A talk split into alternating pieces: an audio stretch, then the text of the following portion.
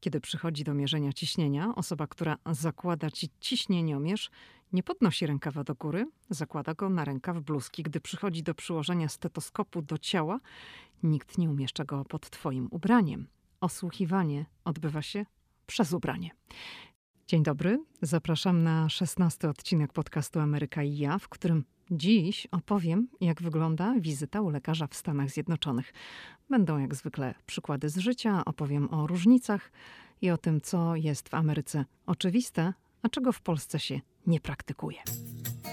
Lidia Krawczuk. Ameryka i ja. Dzień dobry, dzień dobry raz jeszcze. Premiera tego odcinka ma miejsce w listopadzie. Sezon przeziębień, grypy oraz pociągania nosem w pełni. Postanowiłam więc tym razem opowiedzieć o tym, jak wygląda wizyta u lekarza w Stanach Zjednoczonych. I tak możesz pomyśleć u lekarza ku lekarza, o czym tutaj mówić, gadać. No, myślę, że jest jednak o czym, ponieważ system przyjmowania pacjenta jest w Stanach Zjednoczonych inaczej zorganizowany niż w Polsce i o tym również opowiem. I to nie będzie odcinek dotyczący funkcjonowania systemu ubezpieczeń zdrowotnych w Stanach Zjednoczonych. Temu zagadnieniu poświęciłam osobny odcinek. To jest odcinek numer 3. Jeżeli Cię interesuje, jak to w USA działa, to zapraszam do posłuchania odcinka numer 3. Myślę, że warto, jeżeli nie znasz tego odcinka, ponieważ system ubezpieczeń zdrowotnych w Stanach Zjednoczonych funkcjonuje totalnie, ale to totalnie inaczej niż w Polsce i można się zdziwić. Jest bardzo kosztowny. Ok, to zaczynamy odcinek na temat tego, jak wygląda wizyta u lekarza w Stanach Zjednoczonych. Większość wizyt lekarskich w USA rozpoczyna się od wypełnienia papierologii i o tym powiem trochę później. Ta papierologia jest o matko. Natomiast jeżeli chodzi o już cały proces związany z badaniem pacjenta, to zazwyczaj zaczyna się to od ważenia. No, czy w butach, czy bez, to już zależy od ciebie, chociaż niektórzy wolą, żeby buty ściągnąć, a niektórzy mówią, o, it's up to you, tak? Czyli tam jak, jak ci wygodniej. No ale już w butach to będzie zawsze jeden albo dwa funty więcej, w zależności od tego, jakie są ciężkie buty. No i tutaj od razu słyszę, że mówię w funtach, czyli Amerykanie posługują się funtami, a nie kilogramami i jeden funt to jest niecałe pół kilograma, 45-46 dekagramów zdaje się. Po zważeniu następuje mierzenie temperatury i ciśnienia i tu muszę zaznaczyć, że tymi sprawami nie zajmuje się lekarz, tylko pielęgniarka. I uwaga, ciśnienie mierzy się przez bluzkę, tak, bez podciągania rękawa. Ja już przestałam na to reagować, bo na początku mówiłam, ale jak to, ale jak to? I mówiłam tak, a ja jestem z Polski, a w Polsce to się podnosi rękaw. No ale w tej chwili to już w ogóle nic takiego nie mówię, po prostu przez te 10 lat przywykłam, że w USA zazwyczaj nikt mi nie odsłania rękawa podczas mierzenia ciśnienia i również nie przystawia stetoskopu do gołego ciała tylko przez ubranie. Dokładnie tak. Nie zdarzyło mi się, żeby lekarz kazał mi podnieść bluzkę do góry podczas osłuchiwania. Nie kazał też rzecz jasna tej bluzki ściągać. Jeżeli z jakichś powodów musiałam się rozebrać, to wcześniej wręczano mi no taką znaną ci zapewne z amerykańskich filmów koszulę. Ta koszula jest zazwyczaj w pastelowym kolorze i ona ma z tyłu rozcięcie na całej długości i takie sznureczki, którymi się związuje.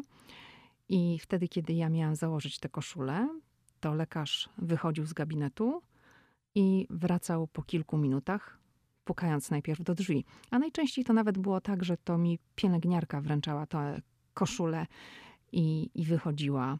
Tak sobie staram przypomnieć, zależy jaka to była wizyta, ale, ale oczywiście na czas, kiedy ja się przebierałam, to, to ta osoba wychodziła, nikogo nie było, nie ma żadnego parawanu, za którym pacjent ma się chować, po prostu zostaje sam w gabinecie i się przebiera.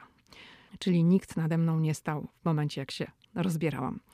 I to jest tak samo, jak chodzę z dzieckiem na coroczne rutynowe badania kontrolne. To po polsku się bilans, zdaje się, nazywa. Po angielsku to się mówi albo annual exam, albo e, check-up. I dziecko też dostaje taką koszulkę.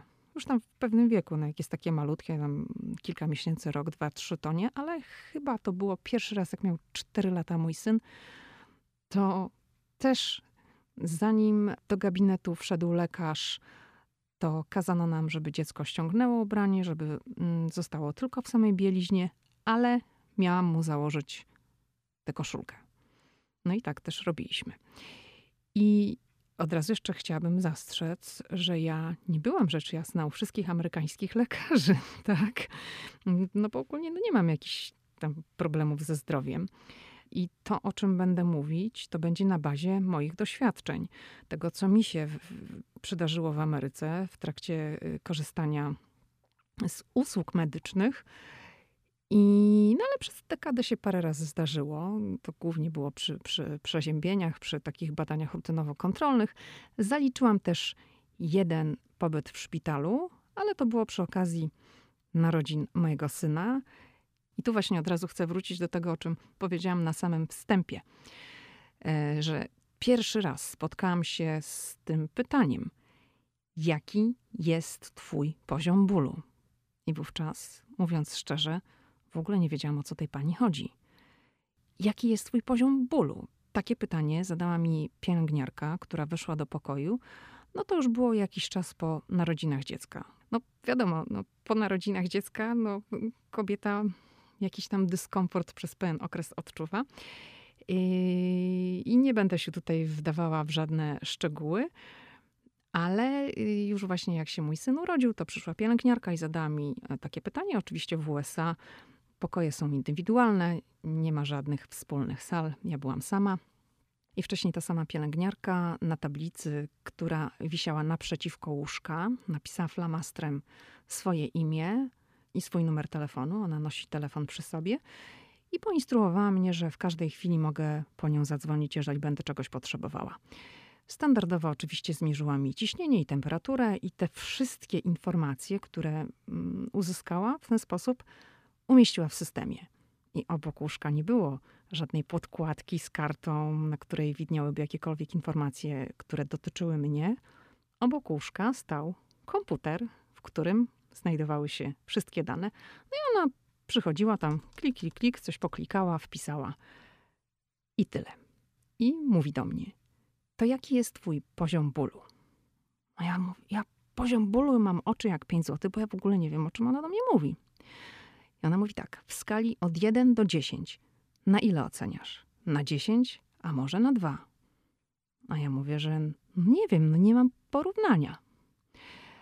Ona mi odpowiada: Musisz mi podać liczbę. Musisz. No ja tak siedzę, myślę, mówię, to może siedem? No i następuje w tym momencie klik, klik, klik, klik. Wszystko trafiło do systemu i pielęgniarka mówi do mnie: Naszym celem jest zredukowanie Twojego bólu o kilka punktów. No i, no i powiedziała, taki sobie. Ja leżę na tym łóżku. No dobra. Ale ona sobie poszła, a ja się zaczęłam zastanawiać, czy rzeczywiście boli mnie na 7, czy jednak może na 6, a może tak naprawdę to ja przesadzam i może boli mnie na 2. No nie wiedziałam, naprawdę nie wiedziałam. I no, nie spotkałam się po prostu wcześniej z czymś takim jak skala bólu. No i pytam Pawła, bo Paweł był tam ze mną. W Stanach to jest tak, że no, mężczyzna może e, być razem z kobietą w tym samym pokoju. W pokoju jest taki fotel rozkładany, na którym może spać, więc jeżeli chce spać razem ze swoją żoną, partnerką, która urodziła dziecko, to może być e, przez całą noc razem ze swoją partnerką, żoną w tym pokoju.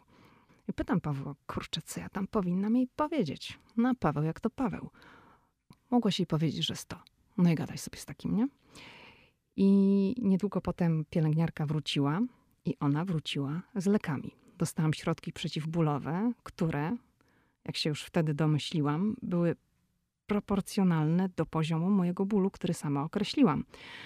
Więc jeśli dostałabym wówczas małpiego rozumu, tak to nazwijmy, no to sama byłabym sobie winna. No ale na szczęście nie miałam żadnych objawów przedawkowania, czyli no chyba było ok. No i minęło kilka godzin i znowu jest puk, puk, puk do drzwi. Przyszła kolejna pielęgniarka, przedstawiła się, poinformowała mnie, że przez najbliższe 12 godzin to ona będzie moją pielęgniarką i zadała mi pytanie. Zgadnij jakie? w skali od 1 do 10, jaki jest twój poziom bólu? No ale wtedy już byłam troszeczkę mądrzejsza już nie podawałam tej siódemki, podałam, podam jakiś niższy wskaźnik. I, I tak to wtedy wyglądało. I to, co jeszcze zapamiętałam z pobytu w szpitalu, to to, że przy łóżku położono mi menu i miałam sobie z tego menu wybrać, co ja chcę na lunch. I może jak się zastanawiasz, no to jaka jest dieta tak? dla takiej kobiety, która dopiero co urodziła dziecko, no matki karmiącej. Czy to jest w ogóle dieta dla matki karmiącej? Gdzie tam? Tam w tej karcie była pizza, takie tam różne dania amerykańskie, no jak w amerykańskiej restauracji. Dostałam numer telefonu, pod którym miałam sobie zadzwonić i zamówić sobie jedzenie. I mogłam też zamówić dla męża, dla Pawła. Także to było dla mnie takie zaskakujące, że miałam sobie to sama wykonać na telefon, wybrać sobie z karty.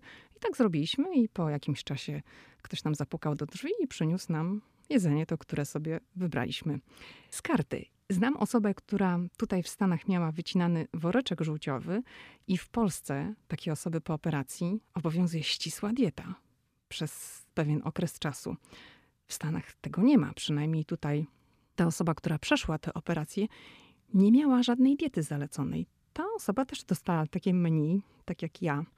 I amerykański lekarz nie zalecił żadnej diety. Powiedział, że po prostu po operacji ma jeść to, na co ma ochotę i zachowywać się tak jak przed operacją.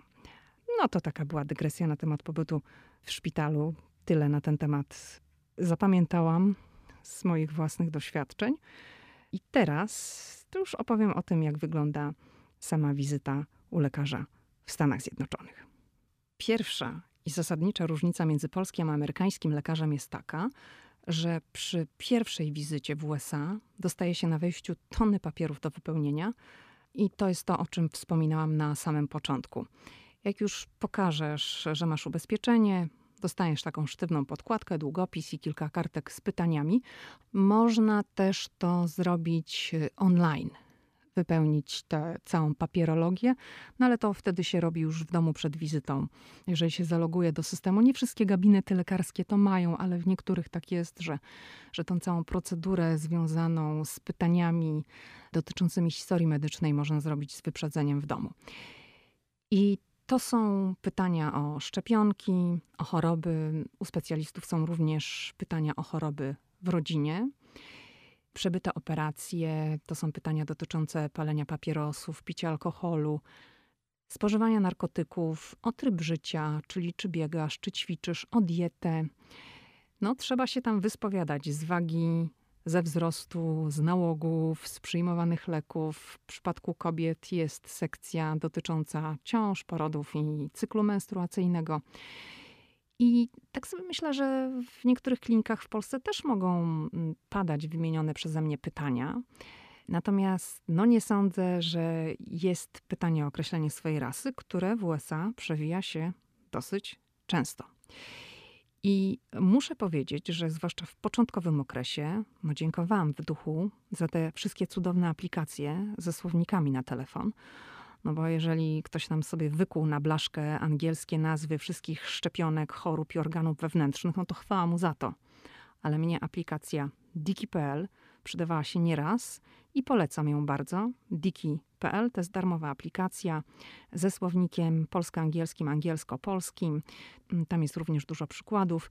Jest wymowa, tylko ta aplikacja działa online. Offline nie działa. To jest jakby jedyny ten mankament, że jeżeli jest się na przykład na wyjeździe, no to jeżeli się nie ma dostępu do internetu, ta aplikacja nie działa. Ale tak ogólnie to jest bardzo fajna i, i ją z czystym sumieniem polecam. Korzystam z niej do dziś. Przydaje mi się. I teraz, dobra, teraz będzie obrazowa. Uwaga. No więc tak, wyobraźmy sobie. Jestem w Polsce u lekarza i siedzę. W Polsce bywam, bywam czasami u lekarza. No i następuje coś takiego. Czyli puk, puk, puk jest pukanie do drzwi. Panie doktorze, ja mam takie szybkie pytanie. No jakiś człowiek wystawia głowę przez drzwi, podczas gdy lekarz mi, bo ja siedzę w gabinecie w środku, wypisuje receptę. I to nic, że na drzwiach jest napisane jak W. Pacjenta prosi do gabinetu lekarz. Człowiek ma szybkie pytanie. Halo, prawda? Nic nie może czekać, bo człowiek ma pytanie. I taka sytuacja, dość częsta w Polsce, w USA jest niemożliwa. Absolutnie. Z prostej przyczyny. Inaczej w USA wygląda system rejestracji i przyjmowania pacjenta. W Stanach Zjednoczonych to pacjent czeka na lekarza w gabinecie, a gabinet lekarski nie jest lekarza biurem. Słowem, lekarz w gabinecie nie siedzi.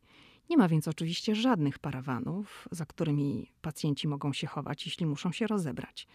I niezależnie od tego, czy byłam w USA w dużej klinice, czy małej, czy w prywatnej praktyce, zawsze musiałam przejść przez recepcję, a pani z recepcji, po załatwieniu formalności związanych ze sprawdzeniem ubezpieczenia, kazała mi usiąść w poczekalni. I kiedy już przychodziła moja kolej, pielęgniarka wyczytywała głośno moje imię, przy czym dochodząc do nazwiska wymawiała kra, potem następowała przerwa i próba wymodzenia czegokolwiek. Najczęściej wychodziły jakieś dziwolągi. No, nikomu nie udaje się za pierwszym podejściem przeczytać Krawczuk, jakiś tam kraw... Cuda. I, i, I zaraz pada pytanie, a jak to powiedzieć? Krawczuk odpowiadam. Krausuk, dobrze, dobrze. E, tak, dobrze, dobrze, ale po prostu mów Lidia. E, tak najczęściej wygląda ta rozmowa. No i wówczas pielęgniarka mówi, ok, Lidia, chodź ze mną. I przechodziłyśmy przez kolejny bufor w postaci drzwi, za którymi no, kryły się korytarze i pomieszczenia. I zanim pielęgniarka zaprowadziła mnie do gabinetu lekarskiego, zmierzyła mi ciśnienie i mnie zważyła, chociaż nie zawsze. No, jeżeli było to przeziębienie, to mierzyła mi też temperaturę. I tak było zazwyczaj w przypadku takiej dużej przychodni, kliniki, natomiast w przypadku małej praktyki bez pielęgniarki, no, słyszałam najczęściej hi Lydia od lekarza i no, wtedy sam się pojawiał w recepcji i, i sam mnie prowadził do gabinetu. Także już teraz wiesz, dlaczego takie puk, puk, puk jest w USA niemożliwe. I być może odpowiesz mi na to tak. No dobrze, no w Polsce prywatny lekarz sam przyjmuje, sam kasuje. No właśnie, więc ma to swoje puk-puk, nie? Jeśli nawet polski lekarz pracuje w przychodni, no to też ma to swoje. Przepraszam, ja mam tylko tam takie szybkie pytanie. No bo polskie przychodnie nie są budowane tak jak w Stanach, gdzie recepcja jest swojego rodzaju buforem, że pacjent no nie pójdzie dalej, jeżeli nie przejdzie przez recepcję, jeżeli ktoś go nie wpuści dalej przez, przez drzwi. I też od razu muszę zaznaczyć, że to są moje doświadczenia w takich większych klinikach, przychodniach, że to jest tak zorganizowane. I tu jest jeszcze taka jedna zasadnicza różnica. W Polsce lekarz może sobie działać w gabinecie prywatnym bez recepcjonistki. Absolutnie. W USA nie jest w stanie, dlatego że ten system ubezpieczeń zdrowotnych, o którym mówię w trzecim odcinku podcastu, jest tak niejednorodny i tak skomplikowany, że bez człowieka wyszkolonego w tym temacie prowadzenie gabinetu jest po prostu niemożliwe. To, to nie działa jak w Polsce. W Polsce wizyta lekarska w prywatnej praktyce kosztuje średnio no tam od 100 zł w górę, w zależności od gabinetu. W USA to jest od kilkuset dolarów w górę i dlatego tak ważne jest tutaj posiadanie ubezpieczenia. Ale ubezpieczenie zdrowotne, bardzo kosztowne, nie gwarantuje dostępu do wszystkich usług medycznych. A różni ludzie, w zależności od posiadanych pakietów, płacą różne stawki za świadczone usługi. W USA, no niestety, wizyta u lekarza wiąże się często z dodatkowymi opłatami mimo posiadanego ubezpieczenia, ale to jest temat, o którym mówiłam we wspomnianym odcinku podcastu. Okej, okay. Jeszcze jedna scenka. Jestem u lekarza, ale tym razem w USA. Siedzę. Siedzę, bo pielęgniarka już mnie wprowadziła do gabinetu, no i czekam na lekarza. No co ja robię? No wiadomo, bawię się z nudów telefonem. Wszyscy się bawią z nudów telefonem we współczesnym świecie. I ten telefon również oczywiście przeglądam w poczekalni, podobnie jak każdy inny pacjent, który czeka na swoją kolej. To jest znak czasów, prawda? I jesteśmy w USA. Nikt na nikogo nie patrzy, a jeśli już przypadkiem skrzyżowałam z kimś wzrok, no to uśmiechamy się do siebie uprzejmie. Nie ma żadnych pytań, nie ma żadnych zaczepek, no chyba, że coś się coś pojawi takiego, ale masz fajne buty, podobają mi się twoje buty, albo ta sukienka jest świetna. Amerykanie są właśnie tacy, mm, Amerykanie to są komplemenciarze. Oni bardzo często właśnie zwracają uwagę na takie rzeczy, jak się, nie wiem, jakiejś innej kobiecie na ulicy spodoba torebka, którą ja mam, to ona mi o tym powie, ale masz fajną torebkę, albo masz fajną apaszkę, cokolwiek. Więc jeżeli dojdzie do jakiejś konwersacji, to właśnie coś takiego, że ktoś zobaczy, że ja coś mam e, na sobie, co, co mu się spodoba i powie, ale fajny, nie? Fajna jest ta kurtka, czy tam cokolwiek. Dobrze, to, to jest w amerykańskiej poczekalni. A teraz na chwilę przenieśmy się do polskiej poczekalni i to, co opowiem za chwilę, przydarzyło mi się w jednym z prywatnych gabinetów jakieś dwa lata temu. I siedzimy sobie w kilka osób w poczekalni. No tam każdy jest pochłonięty swoimi sprawami, telefonem albo jakąś książką. Jeszcze w Polsce więcej ludzi ma na przykład książkę taką papierową gdzieś w torebce. Nie mówię, że w Stanach to się nie zdarza, ale jednak więcej ludzi z tymi telefonami jest. I siedzimy sobie, tak siedzimy, i jeden pan nagle ni z gruszki, ni z pietruszki, bo inaczej tego nie można powiedzieć, zaczyna. Usuwałem ostatnio hemoroidy. To wstydliwy temat, ale mężczyźni powinni o tym rozmawiać. I to jest pacjent, który no już młodość ma za sobą i zastrzegam od razu, że ten lekarz specjalista, do którego my wszyscy tam czekaliśmy wtedy, nie miał nic wspólnego z hemoroidami. I po tym krótkim wykładzie na temat hemoroidów, bo ten pacjent tam zrobił nam taki wykład na temat hemoroidów, nam, innym ludziom, którzy też byli w tej poczekalni, ten pacjent opowiedział nam o swoich problemach z tarczycą. Także ja się dowiedziałam, w jaki sposób u tego pana ta choroba została wykryta, jaką przeszedł operację, jakie aktualnie przyjmuje leki, jakie ma dawki. Ja to wszystko wiem, ale nie zadałam ani jednego pytania. Nic, nie pytałam. Dowiedziałam się po prostu. Mało tego, po paru minutach wiem, na co choruje część innych osób z tej poczekalni, ponieważ niektóre pacjentki, które tam również były, z ochotą włączają się w dyskusję i dzielą się z resztą współpacjentów, tak to nazwijmy, co im dolega. Teraz możesz się ze mną nie zgodzić, ale ja uważam, że Polacy uwielbiają wręcz rozmawiać o chorobach i wszelkich nieszczęściach. Lubią te wszystkie detale związane z fizjologią, z bólem, z takim mało przyjemnym leczeniem. Im gorzej, tym lepiej.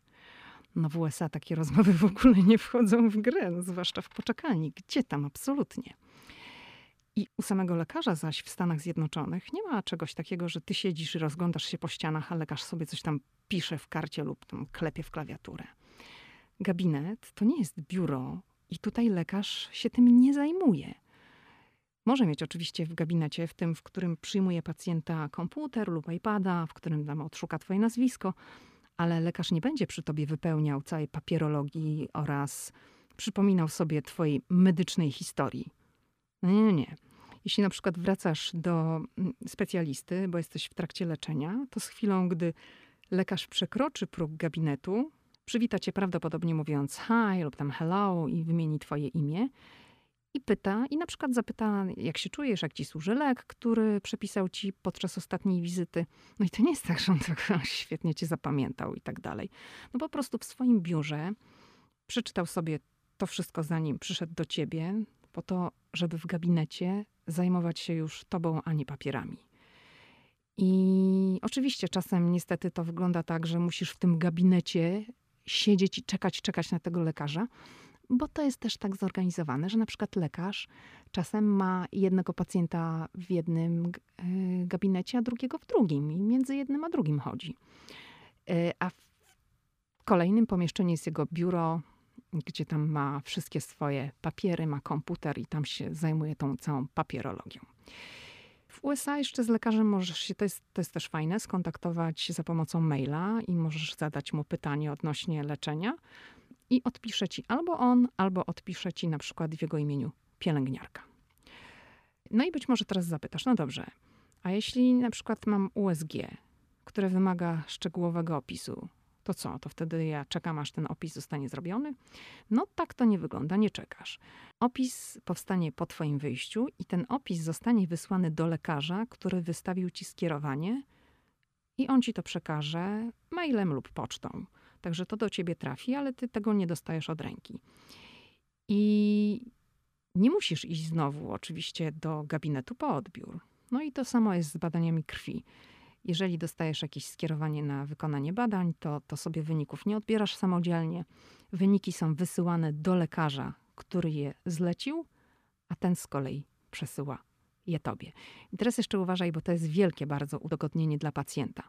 Jak już dostaniesz diagnozę i receptę, to lekarz od razu wyśle tą twoją receptę przez internet do wskazanej przez ciebie apteki. Zapyta się, do której apteki ma wysłać informacje dotyczące recepty. Ty mu powiesz, która tam jest ci po drodze albo koło twojego domu, no gdzie ci tam wygodnie. I ty pojedziesz i odbierzesz sobie już przygotowane dla ciebie leki. Ta recepta już jest wysyłana w tym momencie, kiedy ty siedzisz w gabinecie. Oczywiście, jeśli zechcesz receptę fizyczną do ręki, to też ją dostaniesz. To nie ma sprawy, jeżeli masz takie życzenie. No ale kto dzisiaj chce, tak? Jeżeli leki mogą być już przygotowane. I jeśli wybierzesz tą opcję wysłania recepty do apteki, to apteka, z której korzystasz regularnie, wyśle ci wiadomość tekstową, czyli SMS, tak? Że leki są już gotowe. I zazwyczaj dostaniesz taką wiadomość już wkrótce po wyjściu z gabinetu. I jeszcze jedno. Jeśli dostaniesz zalecenie, że masz przyjmować pigułki dwa razy dziennie przez 7 dni, to dostaniesz dokładnie 14 tabletek, bo tyle tabletek masz zażyć, ani jednej więcej. Farmaceuta sprzeda ci dokładnie ich tyle, ile jest napisane na recepcie. I to farmaceuta umieści je w pojemniczku, zapakuje je do tego pojemniczka, nakleje odpowiednie etykiety. Dlatego ty zapłacisz dokładnie za taką ilość, jaką masz przyjąć, a nie za całe opakowanie, którego nie zużyjesz do końca. No, znasz to w Polsce przecież, prawda? Że co jakiś czas trzeba przetrząsać szafkę z lekami, wywalać jakieś przeterminowane tabletki, które nawet nie wiadomo na co były. No w Stanach tego nie ma. Masz mieć, nie wiem, antybiotyk przez 5 dni, to dostajesz 5 tabletek. Jakieś inne lekarstwo przez konkretną ilość dni to też. Nawet w przypadku, pamiętam, mój syn dostawał jakiś lek w postaci syropu. On był zalecany, nie wiem, tam dwa razy dziennie przez 5 dni, załóżmy, i była określona ilość płynu, to to tego płynu było dokładnie tyle przygotowane, żeby to starczyło na tyle dawek. Także to, to tak nawet w przypadku płynu działa. I co jeszcze w takim przypadku, kiedy człowiek potrzebuje nowej recepty, tak? No bo ma jakąś terapię, która jest długofalowa i musi co jakiś czas kupować sobie leki kolejne. No to wtedy wysyła się mail do apteki, że się potrzebuje leków, a oni skontaktują się z lekarzem. I, i tyle. No, jeśli to jest taka długofalowa terapia, to lekarz na przykład od razu może zaznaczyć na recepcie, że przysługują ci na przykład trzy ponowne uzupełnienia. Lekarz nie może wpisać, że to jest uzupełnienie, nie wiem, jeżeli ktoś ma problem, który wymaga mm, stałego przyjmowania leków, nie wiem, na przykład na tarczycę, tak? No ale y, lekarz nie może zapisać, że to już jest na amen, dlatego że kwestie refundacji leków są też regulowane na poziomie ubezpieczenia zdrowotnego indywidualnego, więc jeżeli twoje ubezpieczenie nie jest na przykład opłacane albo wygasło, no to z tego powodu mm, też nie mogą dać tak na wieki. Ale to po prostu działa tak, że jak już się będzie kończyć lek, a apteka wie, który lek to trzeba przyjmować długo, to dostajesz taką wiadomość na przykład hej, dam swoje imię. Hej Lidia, kończy ci się tutaj lek, pada nazwa, czy chcesz go uzupełnić? I odpowiadasz na taką wiadomość tak lub nie i oni działają zgodnie z twoją wolą. Jeśli ci nie przysługuje już takie uzupełnienie tego leku, a ty uważasz, że lek ci jest nadal potrzebny, to możesz napisać mail do lekarza z prośbą o przesłanie recepty. Możesz też wysłać taki mail do apteki, a apteka skontaktuje się w twoim imieniu z lekarzem. I dlaczego apteka to robi? Myślisz, że kurczę, no to co? I to sobie ty się zajmuj, twoje sprawy ty się zajmuj. No jak to dlaczego? Oni zarabiają na sprzedaży leków, im po prostu zależy. Tylko, że różnica jest taka, że w Polsce to są głównie małe prywatne apteki i nie ma takiego systemu i nikomu się pewnie by nie chciało tym zajmować. A w USA wszystko opiera się na wielkich sieciach i dlatego tak to funkcjonuje. To jest właśnie taka Ameryka. No. Znowu wyjdzie z pół godziny chyba. Nie? Okej. Okay. Mam nadzieję, że ci się podobał podcast. Podobał ci się? Mam nadzieję, że tak. No, mam nadzieję, że subskrybujesz, tak? No, jeżeli ci się podobał, to daj mi znać. Niedzielna turystka, to znaczy osoba, która tak się podpisała, napisała ostatnio w recenzji w Apple Podcast. Idealne słuchowisko na podróż i do pracy, do sprzątania czy gotowania, bo z nim wszelka rutyna staje się przyjemnością i mogłaby trwać wiecznie. No bardzo miła recenzja. Bardzo mi miło, bardzo dziękuję. Jeszcze jedna. Uwielbiam te wszystkie ciekawostki, odcinki o Białym Domu i o Jackie Kennedy wbrew pozorom, bo niby nie przepadam za historią, ale te wszystkie smaczki, o których pani opowiada, są bardzo wciągające. Moja wyobraźnia działa wtedy na wysokich obrotach. Gratuluję, czekam na kolejne odcinki. Bardzo mi miło, ślicznie dziękuję. Dziękuję za wszystkie recenzje, za wiadomości na Facebooku, na Instagramie, na blogu Ameryka i ja. Bardzo mi miło i świetnie, że Wam się podoba i bardzo doceniam te wszystkie informacje. Dla mnie ta zwrotka jest niezwykle ważna, bo to jest taki sygnał, mm, że podcast się podoba. Wam, Tobie. Czasem mówię Wam, czasem mówię Tobie, jak mi wygodnie, to nie ma znaczenia, prawda? I cieszę się, jak tam mi ktoś coś skrobnie. Super. Bardzo dziękuję jeszcze raz. Kolejne odcinki oczywiście będą, podcast będę kontynuowała, będę nagrywała, bo sprawia mi to naprawdę wielką frajdę. I następny odcinek, jak zwykle, we wtorek. Do usłyszenia.